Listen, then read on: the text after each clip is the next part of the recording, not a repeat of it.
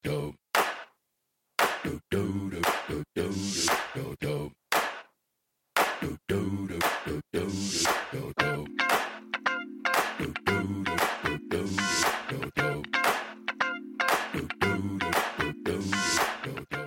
ettermiddag og velkommen til en diskusjon her i DN-teltet om hvordan skal vi finansiere de norske enhjørningene?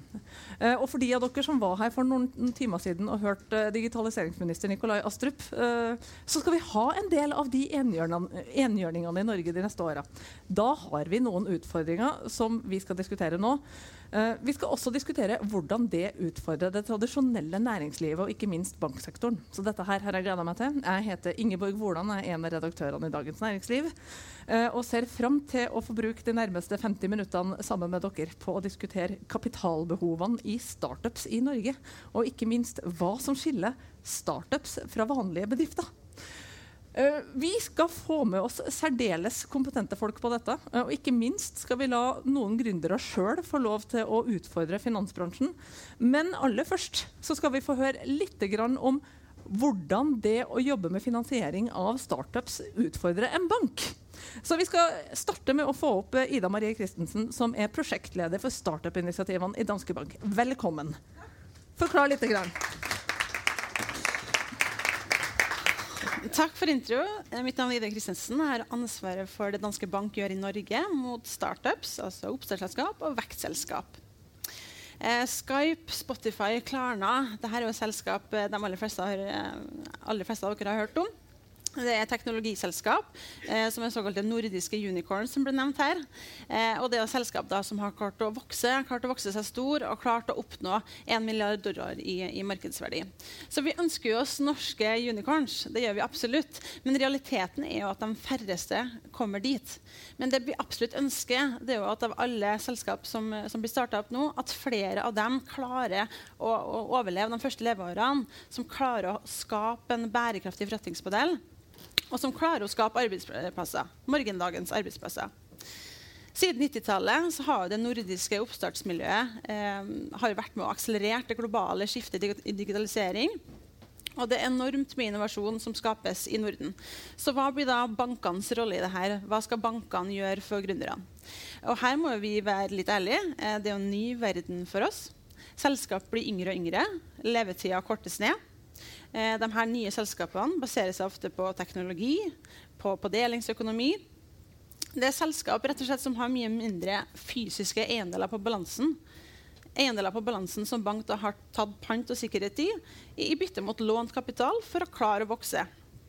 Eh, det er også nye, uprøvde eh, forretningsmodeller eh, som ikke har eksistert tidligere.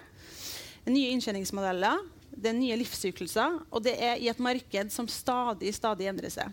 Så, så dette er mye nytt for oss som er utfordrende. Eh, det er også et økt press på at, eh, at vi som samfunnsaktør eh, må påvirke positivt i forhold til både eksisterende og nye selskap i hvordan de opererer fremover. At de klarer å være bærekraftige og ikke bare profitable, men også påvirke positivt sosialt og miljømessig. Danske Bank har de siste årene brukt stadig mer ressurser på hvordan vi som en nordisk samfunnsaktør skal støtte opp under innovasjon og entreprenørskap. Eh, vi har ønska å være proaktive, snakke med målgruppa, eh, lytte til dem, hør hva de har å si. Hva er de største utfordringene? Og det har vi gjort gjennom ulike undersøkelser. Eh, vi har da utvikla oss til at vi har tatt en eh, en litt ny rolle. Litt annen enn den tradisjonelle rollen som bank har hatt. Og vi har utvikla plattformer og tjenester eh, basert på undersøkelser vi har hatt mot denne målgruppa. Eh, de svarene vi får fra selskapene i forhold til hva de sliter mest med så Det som går igjen hyppigst, det er rekruttering. Altså hvordan de finner riktige teammedlemmer, hvordan de klarer å bygge team. Det er tilgang til kapital. Det kommer vi også til å høre mer om eh, i andre del av arrangementet. Eh, og også hvordan de får hjelp den daglige drifta. De syns det er vanskelig. Det er mange utfordringer de ikke har gått løs på tidligere. Så Et eksempel på hvordan vi i Danske Bank har jobba nytt i forhold til hvordan vi skal hjelpe gründere, det er at vi har utvikla hub.no. Det er en av Nordens største oppstartsplattformer.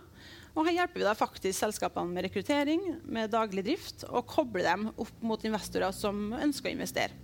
Så her har vi bygd plattformen basert på det de har sagt at de trenger hjelp til. En annen, et annet eksempel er en, en, annen digital plattform som heter Plus Impact. Dette er en digital plattform der vi har ønska å fokusere på selskap som jobber med FNs bærekraftsmål. Altså selskap som ikke bare tenker profitt, men også at de skal bidra positivt sosialt og miljømessig.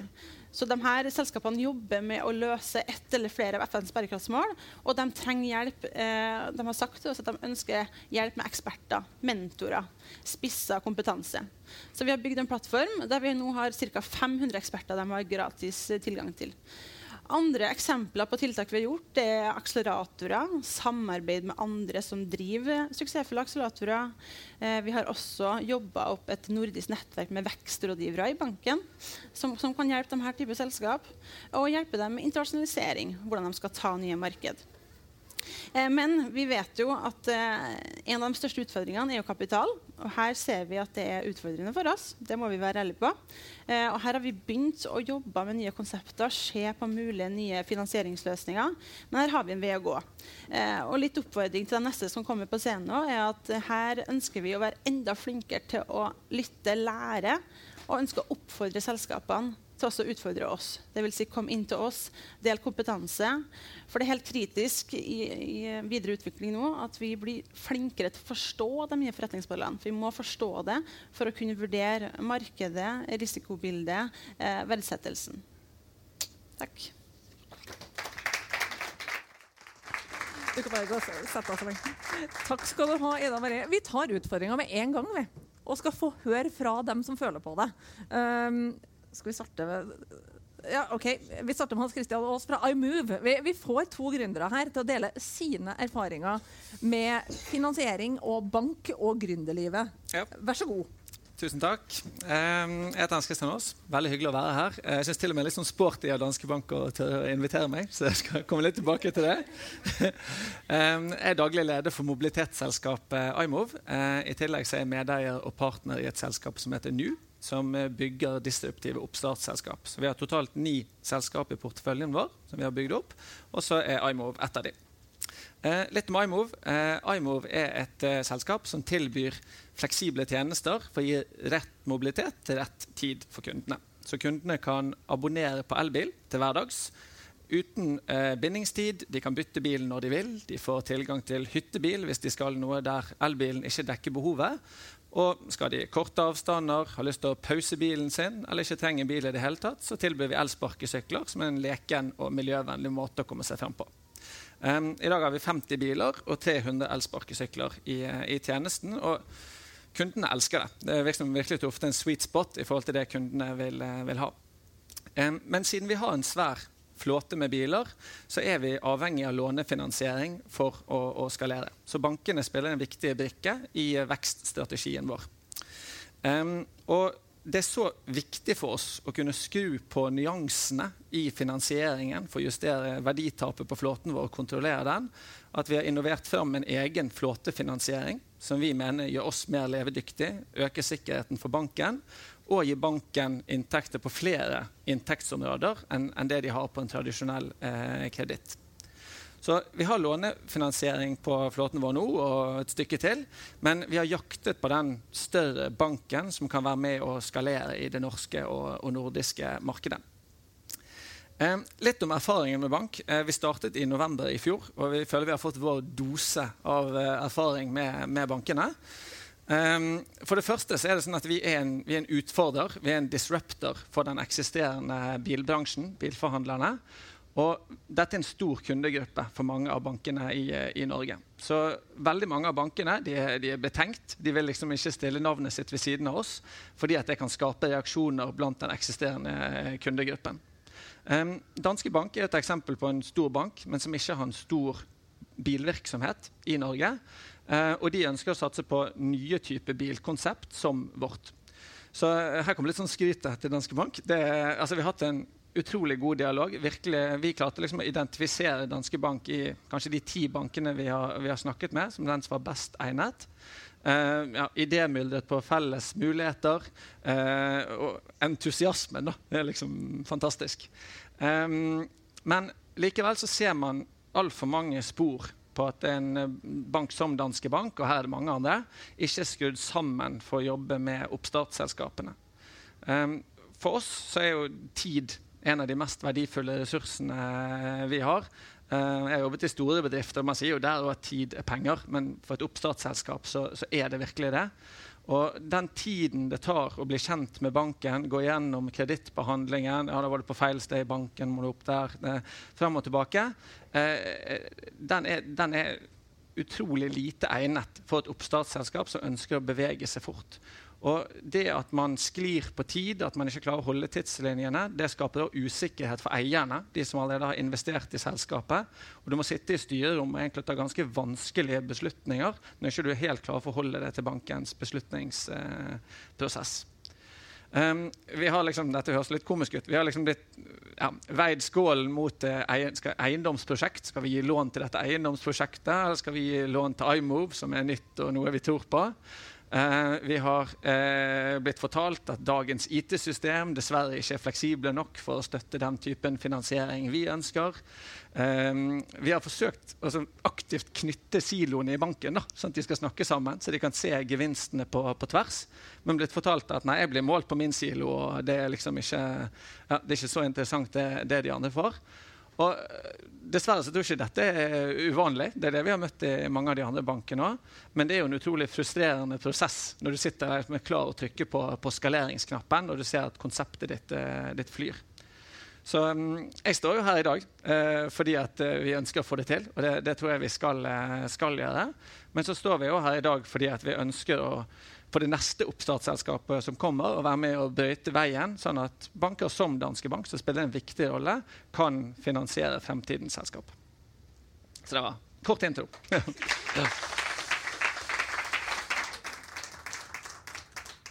Jeg begynner å lukte en interessant debatt når vi får banka noe på scenen her. Uh, men før vi gjør det, så skal vi høre fra én gründer til. Uh, Karen Dolva, No Isolation, du kan komme opp hit. Uh, du har også hatt noen møter med banksektoren så langt? Litt. ikke i samme grad, heldigvis, tror jeg. men hei, takk for at dere har meg her. Karen Dolva heter jeg. En av gründerne og daglig leder i No Isolation. Jeg uh, tror det er litt viktig å forstå No Isolation. Vi treffer en del av bærekraftsmålene, spesielt på mental helse og utdanning.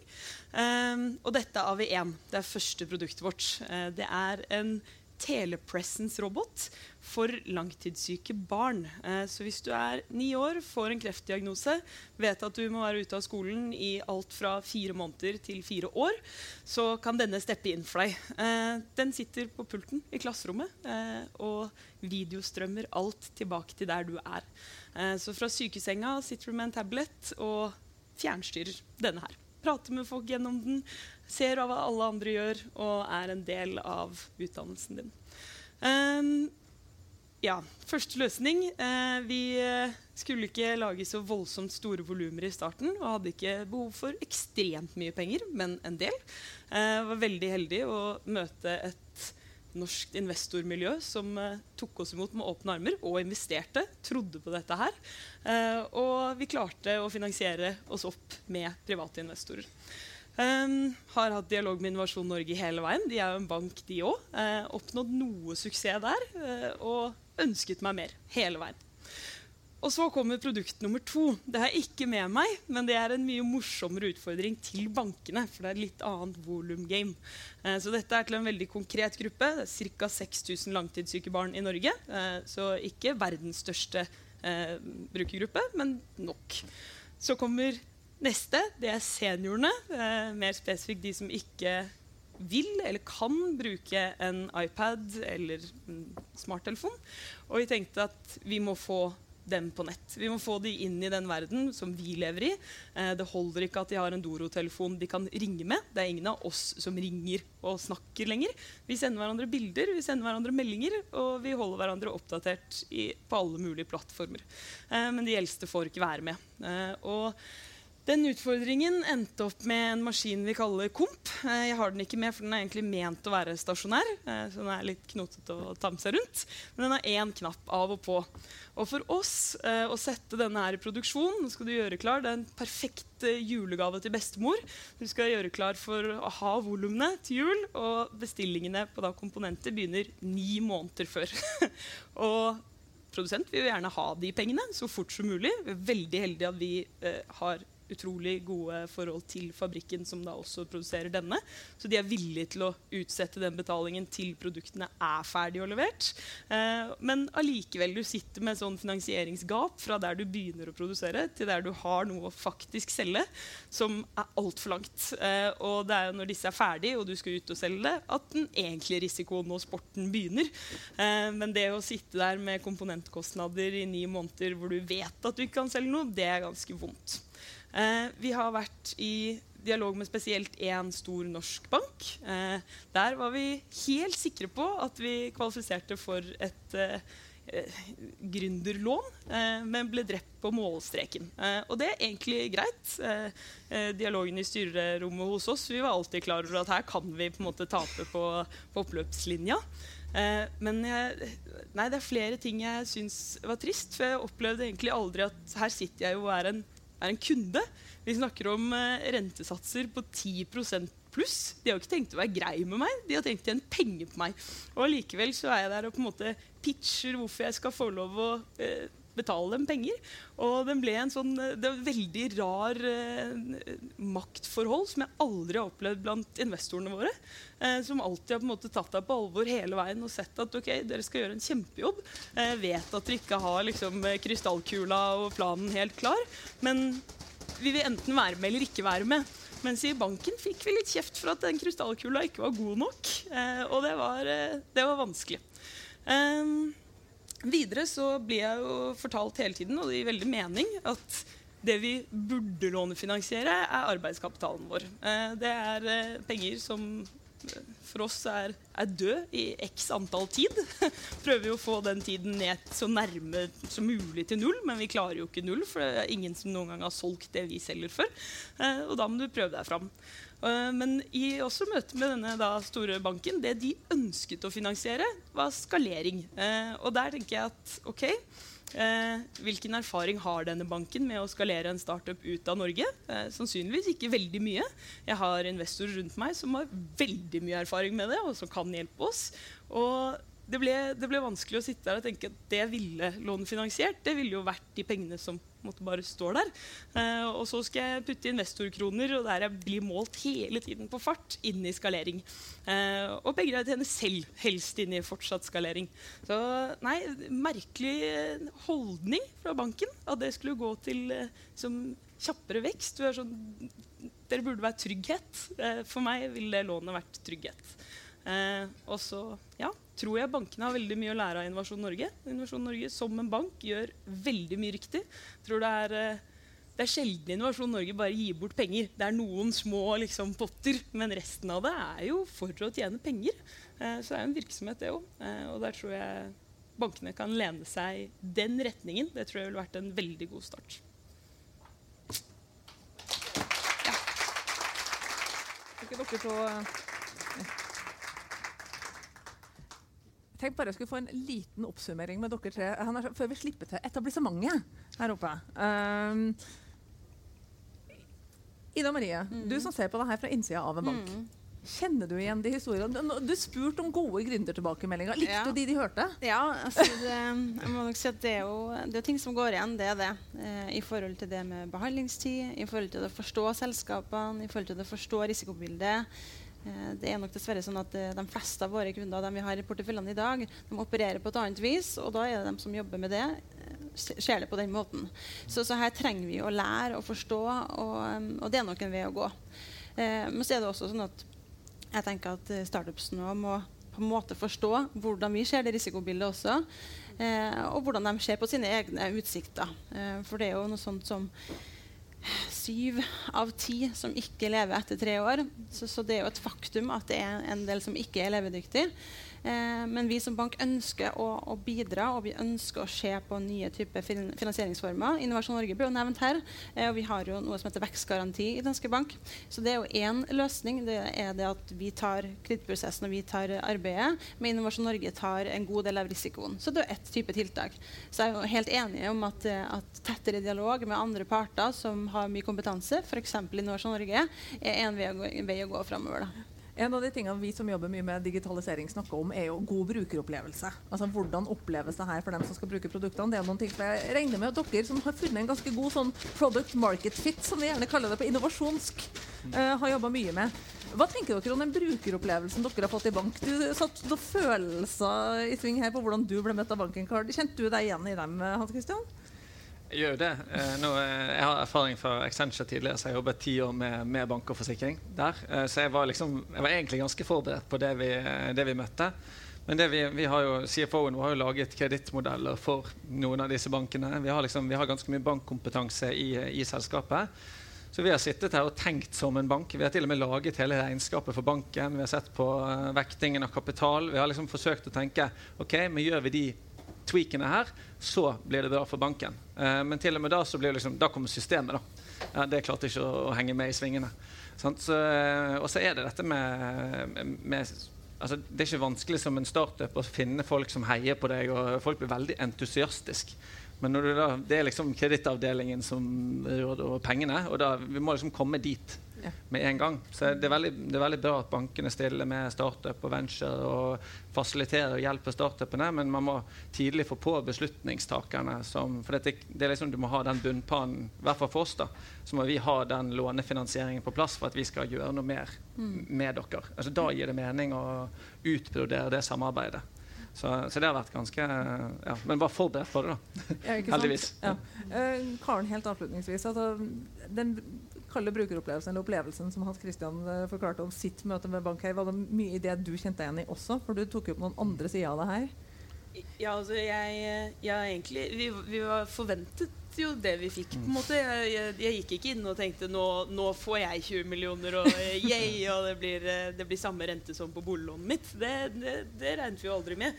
Uh, så alle vi har møtt, er veldig hyggelige. alle har veldig lyst. Det er jo som du sier, alle heier.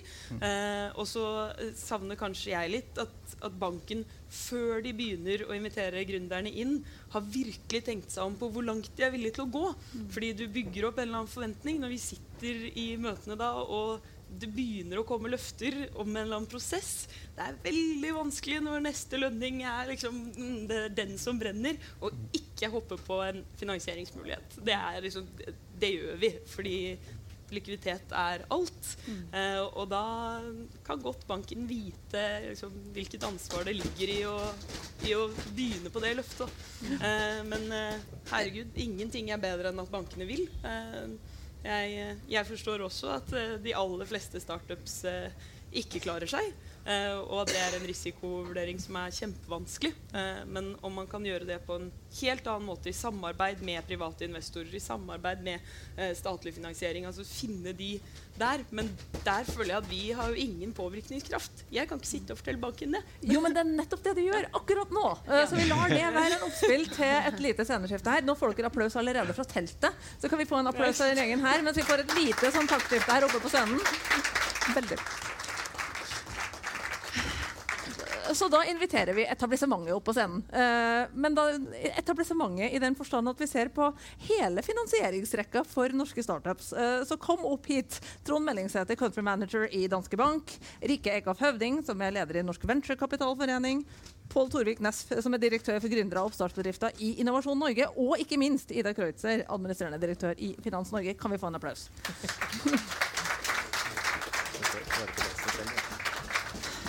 Ja, Trond Mellingsæter, Hvordan føles det å få høre fra to av Norges litt mer fremtredende gründere at de har fått sin dose bank? Jeg syns det er så bra at de er så direkte og klare tilbakemeldinger til oss. Altså, ja. Vi skal lære, og det er den måten vi lærer på. Så det syns jeg er supert. Og så setter jeg pris på at de har vært litt tålmodige også. Ja. men det er jo klart, altså, de adresserer jo noen ting som er midt i kjernen på det vi diskuterer. Altså, vi, vi banker, for å være helt ærlige på det, vi er vant til å ha en modell og en tenking hvor vi sier at vi, vi vet omtrent hvordan kontantstrømmen fremover ser ut. For at vi har sett den før. Eh, vi vet omtrent hvordan forretningsmodellen ser ut, for vi kjenner den fra tidligere. Eh, og så er vi vant til å si at vi kan ta pant i noen murstein eller noe treverk eller et eh, skipsskrog eller et eller annet. Mm. De modellene våre de utfordres veldig kraftig akkurat nå. og det er klart, Der skal vi inn i en læringsprosess, og vi er veldig interessert i å gå inn i den læringsprosessen. Mm. For å si også, ok, Vi har en mer uforutsigbar, ukjent kontantstrøm. Den er kanskje et litt større utfallsrom også. Den kan liksom bli alt fra en kjempesuksess til noe litt problematisk. Eh, vi har en forretningsmodell som ofte er veldig god, men ikke nødvendigvis så dokumentert.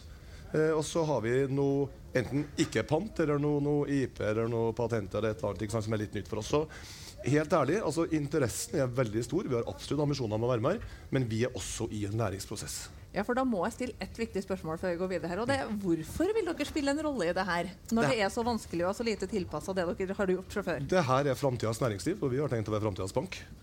Så her har vi ikke så veldig God mye valg. punchline. um, Pål Torviknes, Innovasjon Norge. Vi fikk jo da høre at vi vil gjerne ha mer Innovasjon Norge, takk. Eh, Og kan ikke bankene gjøre litt mer som Innovasjon Norge? Hva tenker du at det er dere har gjort riktig da? Nei, det Jeg må jo takke, da, først og fremst. Jeg synes det var veldig hyggelig å høre. Eh, Vi har, eh, men vi har hatt en veldig bevisst dreining fra tilskudd mot lån. Vi tenker at lån er et eh, veldig godt verktøy eh, for å finansiere vekst, for å finansiere oppstartsselskap. Hvorfor? Det, nei, det er jo altså For det første vi har jo lansert noe som vi kaller for oppstartlån. Det er jo lån som går da til helt selskapet i helt tidlig fase. De får låne 1,5 million dersom de klarer å finne en investor som kommer med 1 million. Eh, Den 1,5 millionen der koster også omtrent det samme som å gi et tilskudd på 600 000. Stor forskjell i forhold til hva selskapene får ut av dette. eh, Men vi tror også at forpliktelsen eh, det er å ta et lån, er en helt annen enn å ta imot et tilskudd. Vi tror de som sier ja, dette tror vi på, dette vi gønner på, vi ønsker å lage dette selskapet. Vi tror virkelig at dette skal bli enkelt å tilbakebetale. Eh, Det er de selskapene vi ønsker å satse på. Jeg tror at De som går inn igjen, eh, de som ønsker å bli gründer og tror at det blir veldig vanskelig å betale tilbake én krone om fire år, da bør du egentlig strengt tatt vurdere å beholde den jobben du har. For da tror du ikke nok på prosjektet ditt, og da skal ikke vi heller gjøre det.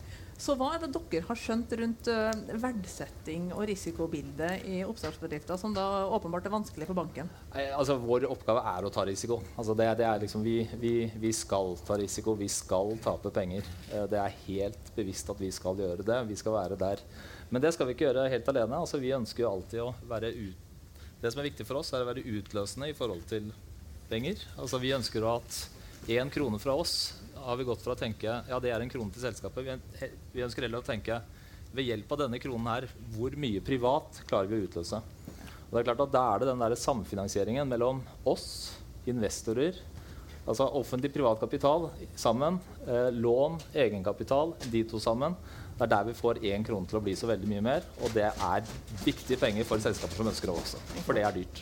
Samfinansiering skal vi komme tilbake til om litt. Veldig bra. Men uh, Rikke, du sa til meg innledningsvis at jeg kan jo ikke noen ting om bank. Det er fint, for du kan en hel del om venturekapital. Og det er jo den andre store finansieringskilden til startup-selskaper i litt sånn tidlig fase av eskalering og sånn. Hva er det VC-selskapene kan om verdsettelse og risiko i startups som bankene kan lære av? Altså, eh, spørsmålet er egentlig om Nå får vi veldig ja, applaus av vinden her. Altså. Ja. og litt sånn sjøsyk. Ja. Men eh, jo, altså, eh, bank og, og venturekapital eh, skal jo på en måte egentlig vurdere de selskapene litt forskjellig, men det våre medlemmer gjør, er jo som Innovasjon Norge også sier, at vi skal ta risiko. Eh, så de går jo inn og vurderer et selskap, og de ser på potensialet, de ser på teknologien, de ser på teamet.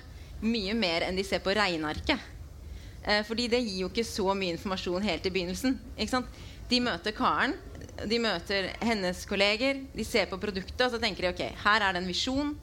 Eh, disse skal få til noe. Dette tror vi på. Og så investerer de i det prosjektet. Eh, og så har de jo også, er de satt opp sånn at eh, de skal investere penger i vekst.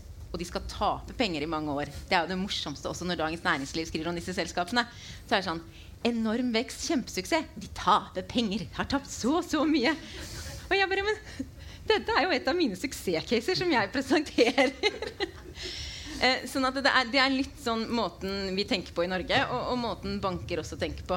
Eh, men, men det er en sånn når vi skal bygge IT-selskaper, og, og, når vi snakker om den, denne debatten jo den nye revolusjonen altså, Når vi snakker om disse selskapene, så bygger vi selskaper på en helt annen måte. Vi, vi bygger, de bygger omsetning, de bygger eh, antall brukere, før de faktisk får det overskuddet. da. Så det er ikke den samme sånn sten på sten. Ja, for den Sjappe er også- Ja, for den her er jo enda, enda mer interessant. For nå har jo vi hørt fra to startups som lager ting. Eller selger tilgang til ting. Ting som har en verdi, og ting som lar seg liksom ta sikkerhet i. Så det, blir, det, det er litt nærme da, det du sier om de båtene som du vet at skal holde på i 30 år og har en nedbetalingstid. og sånn.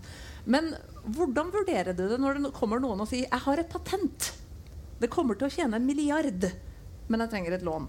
Eller 'vi har tre millioner brukere, og vi tjener fortsatt ikke penger'. Eh, hva er det da som er de mekanismene for å vite om det her er liv laga eller ikke? Tenker du fra WC-ståsted? Eh, altså først og fremst så er jo Mange av mine medlemmer er veldig opptatt av at uh, norske altså forskere og gründere skal ta mer patenter. Altså det er selvfølgelig litt avhengig av hvilken sektor og hvilken bransje du er i.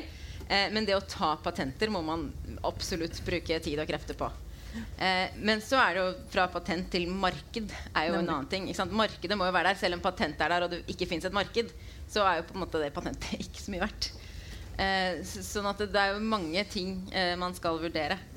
Eh, men, men, det som man gjerne spørre norske banker om, er jo har dere sett på andre typer banklån og bankfinansiering? Sånn som jeg får av og til spørsmål fra våre medlemmer om er det noen i Norge, Har du noen i medlemsmassen din som driver med venture debt?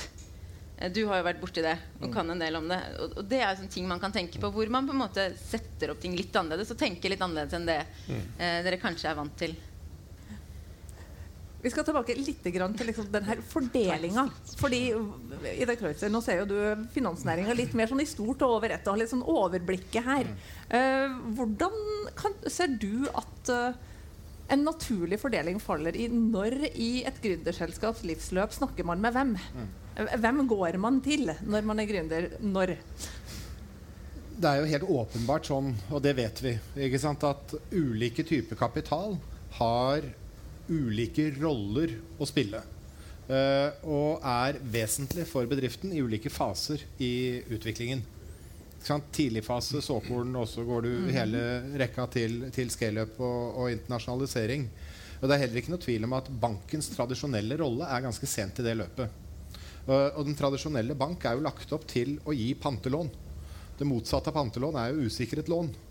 Uh, og usikret lån, hvis jeg diskuterer det med representanter for finanskomiteen, så hører de forbrukslån, og så sier de 'er du gæren'? Uh, jo, men ikke sant, altså, uh, og det ville antagelig du sagt også. Altså, hvis jeg hadde kommet og sagt at nå skal vi virkelig smelle til med en kraftig vekst i usikrede lån i Norge, så ville du kommet med finansiell stabilitet, og du ville kommet med, med, med, med risiko og den type ting. Så bankenes tradisjonelle rolle har jo vært pantelån. Og så står vi nå midt oppe i en situasjon hvor Norge skal skape 1 million nye arbeidsplasser innen 2060. Mm. 25 000 nye arbeidsplasser hvert år. Uh, og vi vet at veldig mye av den veksten vi trenger, kommer ikke til å komme fra oljesektoren. Den må komme i nye sektorer.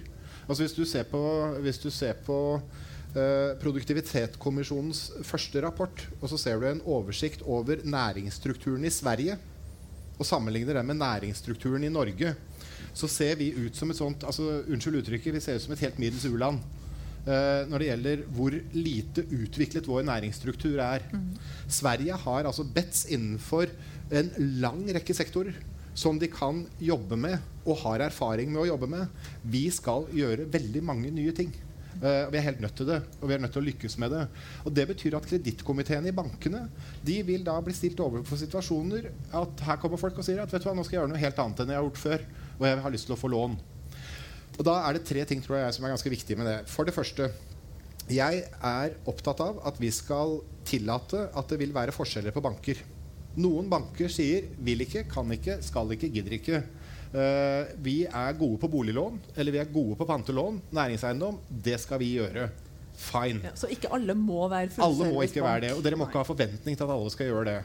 Men noen, som Trond, sier at dette er jeg nysgjerrig på. Altså Her har jeg lyst til å bygge kompetanse, jeg har lyst til å bygge systemer, jeg har lyst til å, lyst til å bygge strukturer.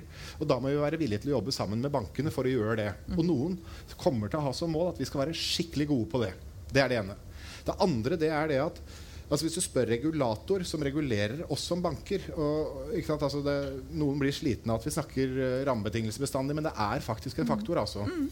Fordi hvis vi kommer med et helt utradisjonelt lån uh, som da etter de tradisjonelle modellene til Finanstilsynet er høy risiko, uh, så er det en ekstremt høy kapitalbinding på det.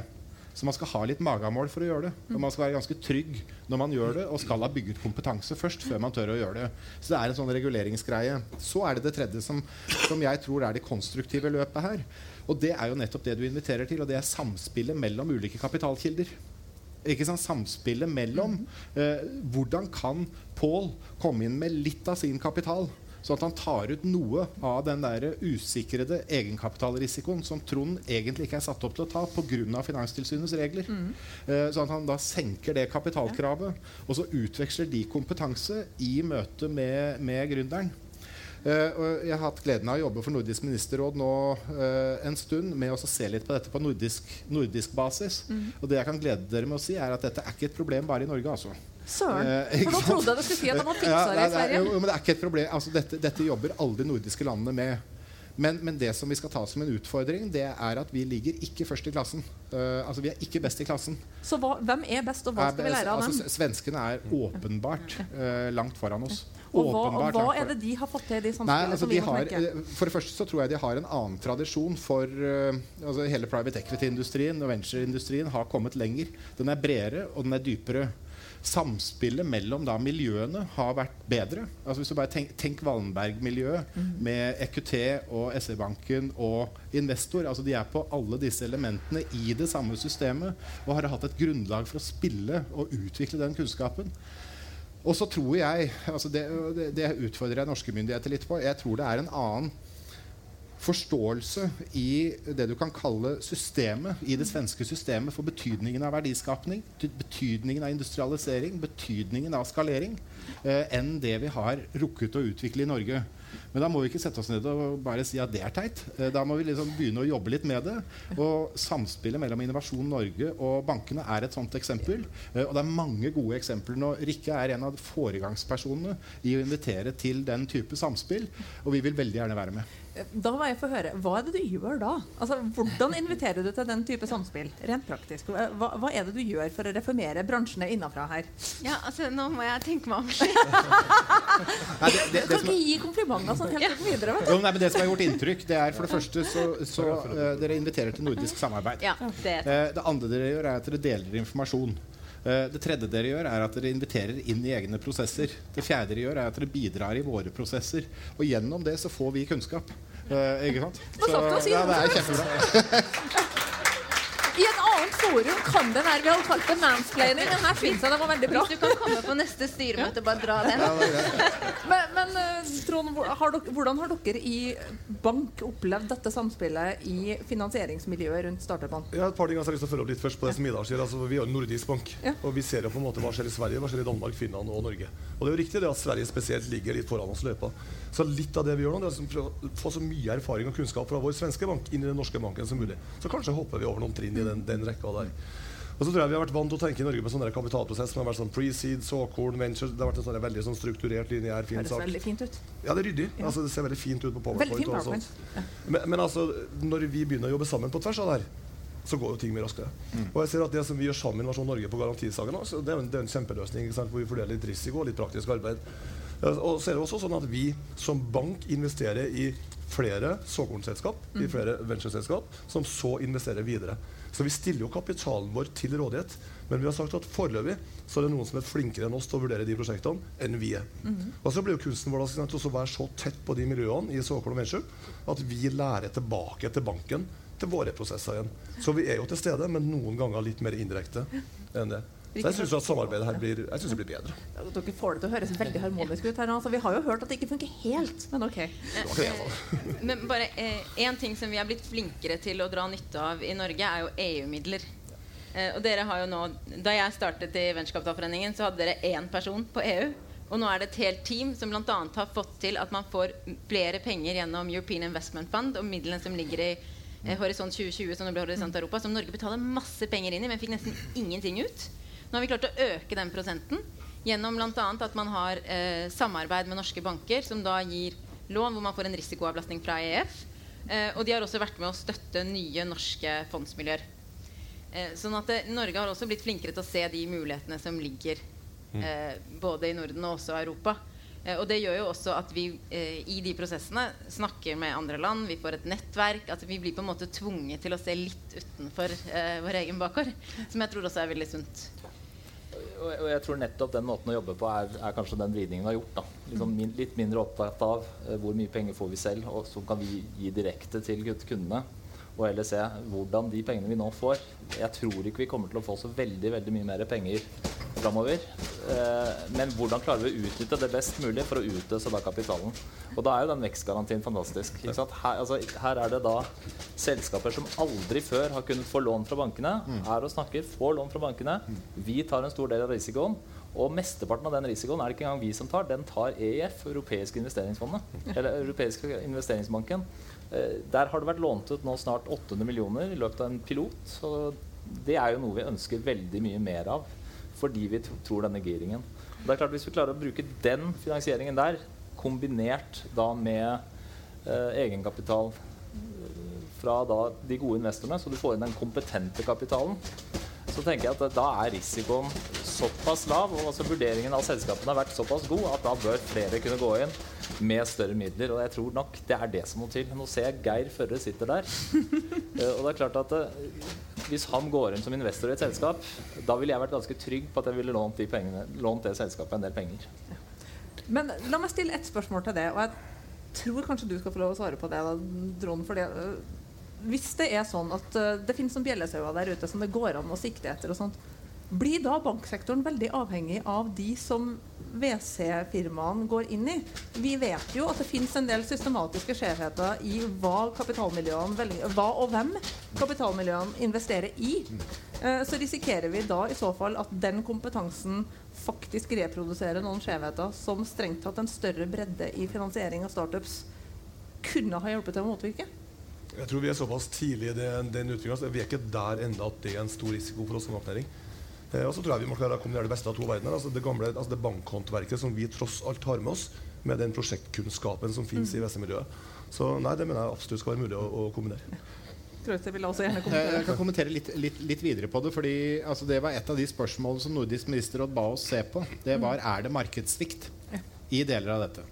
Uh, og Da så vi på nordisk basis, og, og, svaret vårt var at ja, det er markedssvikt både langs Altså på hvilken fase selskapet er i, men særlig på sektor. Ja. Uh, og altså fintech-sektoren uh, med relativt små investeringer, eksponentiell vekst og relativt short time to market har lettere tilgang på kapital enn healthtech med lange utviklingsløp, ganske store investeringer og et litt usikkert regulatorisk bilde i den andre enden. Så det er noen altså Det å gå inn i det og prøve å forstå de der systematiske forskjellene, det er et lite signal inn til, til myndighetsapparatet, etter mitt skjønn. Fordi altså, markedet er ikke så innmari gode til å løse markedssvikt. Det er derfor det er markedssvikt. Eh, så, men, men, det er det ene. Eh, og det, og det andre syns jeg det er det at hvis du går Det er litt avhengig av hvordan du definerer det, men i Norge så har vi vel altså, et sånn hundretalls næringsrettede virkemidler. Ikke sant? Altså Enhver regjering med respekt for seg selv har kommet med minst ett nytt, gjerne mange nye uh, næringsrettede virkemidler. Uh, er, og de er blitt stablet oppå ganske mange andre næringsrettede virkemidler. Og summen av det er ganske mye og ikke så veldig oversiktlig.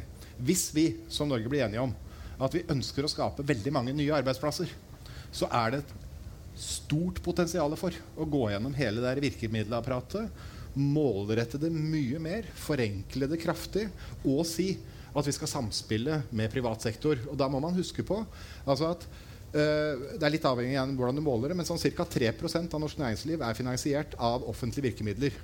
97% er finansiert privat. Mm. Uh, og da jeg var på høring på industrimeldingen, det vi diskuterte da, var katapultordningen. Og det er fint. Katapultordningen er kjempeviktig. Du må forklare hva katapultordningen er. Ja, jeg er litt i tvil selv. Men det er, en, det er, en, ordning som da skal bidra til uh, rask ekspansjon. Ja. Men det er da en liten slice av en liten slice av finansieringen av norsk næringsliv. Og jeg tror vi skal heve blikket litt og se på den der totaliteten og så se hvordan vi bruker Pål, Påls kompetanse og alle de andre virkemidlene på en måte som utløser kapital- og risikovilje i privat sektor. Jeg mistenker at opptil flere av dere snakker oftere med næringsministeren enn jeg gjør, så det får dere ta opp med han sjøl.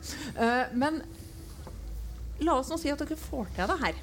Uh, og bank eh, klarer å transformere seg sjøl til å bli en enklere partner for startup-miljøene. Uh, forstår mer av risikobildet rundt nyetablerte selskaper, rundt litt sånn immaterielle verdier og litt sånne ting.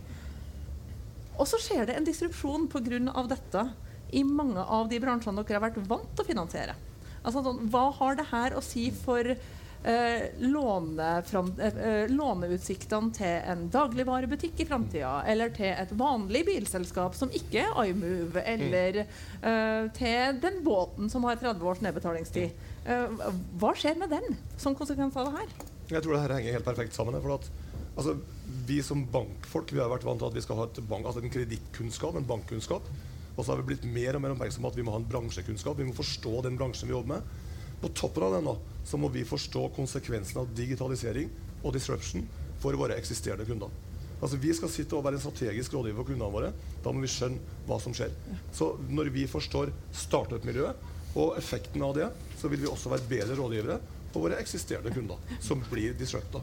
Så det her er ikke en motsetning for meg, det her er faktisk en fin kunnskapsbygging. Så eh, hvis Amund Juve, vår sjefredaktør som sitter bak her, har kommet til deg og sagt du, vi skal ha et nytt trykkeri, så kan det være at du har kommet til og sagt til ham er, er du sikker på det? Er det det du mener? Ja, da kunne jeg sagt la oss ta en god prat. Den overlater jeg til dere. Eh, et siste poeng. Uh, Pål, nå jobber jo du i Innovasjon Norge, men du må fortelle oss hva det er du skal gjøre i høst. Ja, ja, i høst. Ja, jeg går til tre uker igjen nå. Så går jeg tilbake til et selskap som jeg startet i 2007. Som heter nettopp Trykkeri. Delato heter det. Det var nesten tilfeldig. Ja, ja, nei, så ja. Så det blir veldig spennende. Det er jo et av de vektselskapene som hvert fall foreløpig har gjort det veldig bra. Og hvis jeg husker riktig, så skrev DN for sånn ca. halvannen uke siden så mye har de omsatt for, og de taper fortsatt penger. Ja da, nei, Eh, vi, det, vi, har, vi har ikke investert en krone, visstnok. Vi har bare tapt 400 millioner. ikke sant? Og der er det, altså, det er ikke ett patent. Vi eier ikke én maskin. Vi eier ingenting. Vi eier ganske mye kode. Det er det vi eier. Hva slags møte er det du ønsker deg med både banken og det øvrige finansielle virkemiddelapparatet når du kommer tilbake til Gelato? Nei, altså jeg tror, eh, jeg, jeg tror Vi er i en veldig heldig situasjon, for vi har bl.a. av Wallenberg på eiersiden. Så, men, Men men, men, jeg tror, jeg tror jo at, at eh, nettopp den forståelsen av at uh, her er det et selskap som vil trenge mye kapital framover for å vokse. Uh, la oss se på hvordan vi lager en god finansieringsmiks mellom da denne egenkapitalen og lånene.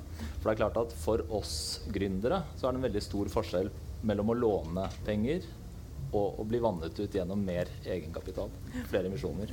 Det, jeg har et uh, siste spørsmål til Trond Mellingsæter oppi men skal få én kommentar. Og jeg vet du har en annen debatt å rekke, så Ja. vi skal prøve å holde tida. Ja, nei, men det, det er bare sånn veldig, veldig kort. Altså, noen ganger så får jeg inntrykk av at dette med finansiering er et problem. Det er risiko. Eh, eller det er forskjeller. Eller det er noen som eier for mye og alle disse tingene.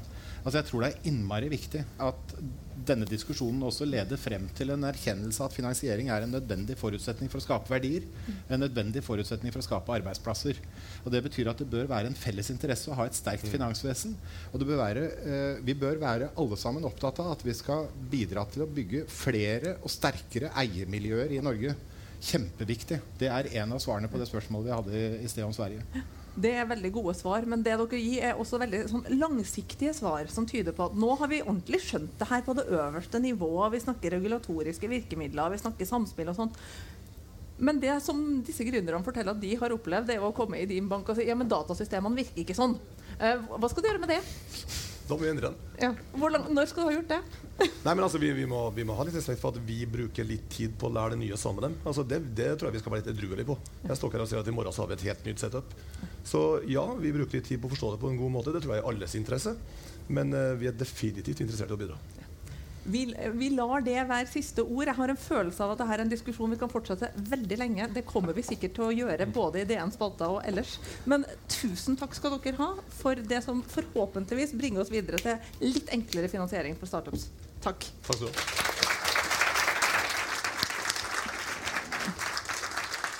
Dope.